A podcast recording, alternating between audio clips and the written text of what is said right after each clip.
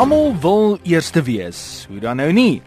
Wat is die nut daarin om deel te neem veral aan 'n Olimpiese spele as jy nie 'n goue medalje kan wen nie? Nou party mense wat deelgeneem het aan verskeie sportbyeenkomste, het net daai trampie te ver gegaan om 'n goue medalje om die nek te kry. Hulle het gekroek.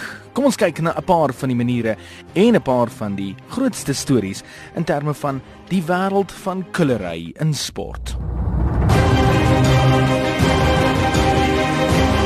Daar is wyd gespekuleer dat die ou Oos-Duitse vroulike deelnemers aborsies moes ondergaan sodat hulle testosteroon vlakke in hulle liggaam kon styg. Dit het glo van hulle beter atlete gemaak. Tot dusver is daar nog geen konkrete bewyse wat dit kon bewys nie en dis op hierdie stadium net spekulasie, maar van die deelnemers het al beweer dat hulle daarin geforseer is deur die destydse Oos-Duitse afrigters. Hulle kon dit wel nie staaf met behoorlike feite nie. Klink die naam Rosie Ruiz vir jou bekend? Rosie Ruiz is die wenner van die 1980 Boston Marathon gewees. Maar wat gebeur het is, dit was slegs Rosie se tweede marathon gewees. Sy het 6 maande voor die Boston Marathon van 1980 aan die New York Marathon deelgeneem en 'n baie skaflike 24ste plek ingepalm. En aangenome ook dat niemand hulle niemand haar omtrent op die roete gesien het nie. Dieselfde het gebeur in die Boston Marathon. Iemand het 'n deelnemer langs die kant van die pad gesien staan en ewe skielik het hierdie dame net begin hardloop. Dit was Rosie Ruiz geweest. Sy het oor die wenstreep gegaan in 'n rekordtyd van 2 uur 31 minute en 'n paar sekondes. Maar na afloop van haar oorwinning is sy vrae gevra wat sy eenvoudig nie kon beantwoord nie en 8 dae later het hulle bepaal dat Rosie van die beginpunt af met 'n trein na die eindpunt gery het, bloot in die skare gestaan het met haar hardloopklere en haar nommer aan en op 'n stadium net besluit het wel, nou gaan ek hardloop, ek soek die goue medalje.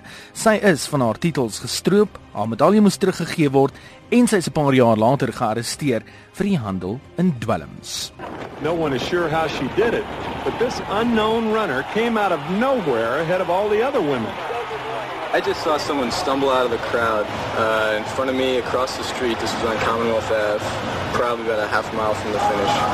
Um, she was in track clothes and wearing a number, but I thought someone had just sort of stumbled into the race. Maybe somebody was a little crazy or something.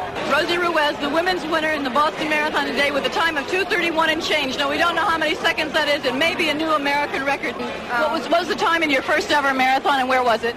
It was two hours and 56 minutes and 33 seconds in New York last year. And so you improved from two, two hours and 56 minutes to two hours and 31 minutes. What, I what, guess so. what do you attribute that improvement in time to? Um, I don't know. Uh, Have you been doing a lot of heavy intervals? Um, someone else asked me that. I'm not sure what intervals are. what are they? Well, intervals are, are, track workouts that are designed to make your speed improve dramatically. And if you went from a 256 to a 231, one would normally expect that you'd do a lot of speed work. Is, is someone coaching you or advising you? Uh, no, I advise myself. it was a fantastic performance, Rosie. Congratulations.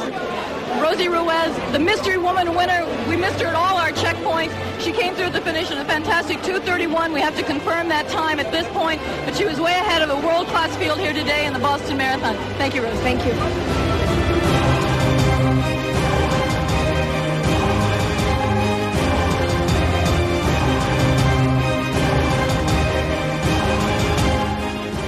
Ag jaar na Rosie Ruiz se skandalige eerste plek in die Boston Marathon, het Ben Johnson die wêreld 100 meter rekord by die Olimpiese spele verpletter. Behoorlik. Het hom verbeter na 9,79 sekondes toe.